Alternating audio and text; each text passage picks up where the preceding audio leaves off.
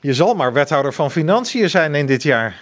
Nou, dat is een hele leuke baan, uh, moet ik uh, zeggen. Maar het is uh, nu. Een stevige opgave. Het, het, is een hele grote uitdaging, is dat. niet zozeer voor 24 of 25, dat gaat nog wel lukken. Maar vanaf 2026 ja, zal het echt een opgave worden. Niet alleen in Leiden-dorp, maar in heel veel andere gemeenten in Nederland. Een beetje gedeelde smart is halve smart.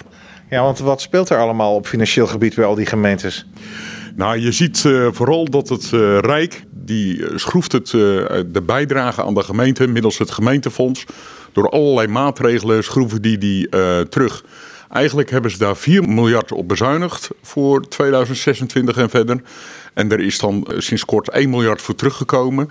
Maar ja, 3 miljard voor alle gemeentes, dat blijft een heel groot gat. En voor Leiden-dorp betekent dat ongeveer 3 miljoen euro. En dat is voor hier een heleboel centen. Ja, Leiden-dorp heeft een begroting, een totale begroting van ongeveer 75 miljoen euro.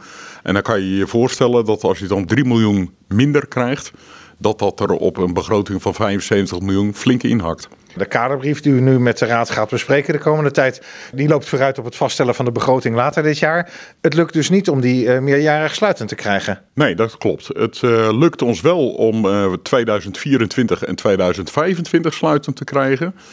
En dat is voor de provincie genoeg om de stempel oké okay, uh, erop te zetten. Maar voor 26 en 27 hebben wij inderdaad een fors uh, gat. Wat we nu nog niet kunnen oplossen. En uh, hoe gaat u dat dan doen? Nou, we wachten met grote belangstelling af de besprekingen bijvoorbeeld door, tussen de Vereniging Nederlandse Gemeenten en het Rijk. Hoe met die financiën om te gaan vanaf 26 en verder. Maar wij gaan al na het vaststellen van de begroting, en dat doen wij dit jaar op vrijdag 4 november. Vlak daarna beginnen wij ook met een bezuinigingsplan. En dat kondigen we nu ook al aan in deze kadernota. En welk bedrag zoekt u dan? Ja, dat is even moeilijk te zeggen, want wij denken dus uh, dat het Rijk uh, zal bewegen naar alle gemeenten en dus ook naar Leiden-dorp. Echter, we weten nog niet wanneer het Rijk daar met een beslissing komt en in welke grootte.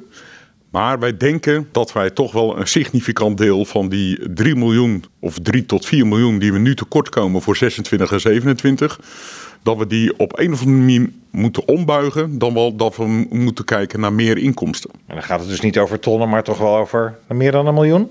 Ja, dat denk ik wel. Ik denk niet uh, dat we in de categorie tonnen uh, zullen blijven. Dat, uh, dat zal echt om grotere bedragen gaan. Ja, en, en, waar kijk je dan naar? Waar kan je dan op bezuinigen? Je, je, hoort dan altijd van die dingen van het zwembad dicht of de bibliotheek opheffen. Nou, ik hoop niet dat we aan dit soort basisvoorzieningen moeten komen.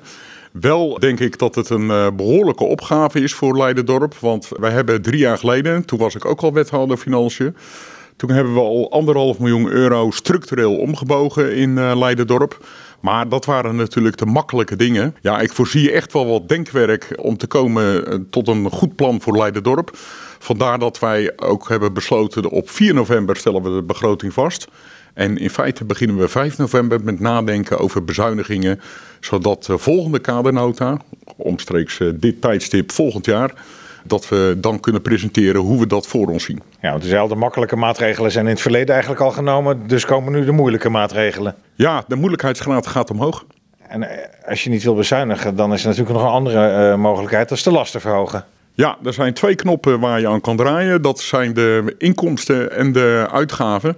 Wel moet je daarbij bedenken dat, dat weet niet iedereen, maar ongeveer 75 tot 80 procent eh, van het inkomen van de gemeente is afhankelijk van het Rijk.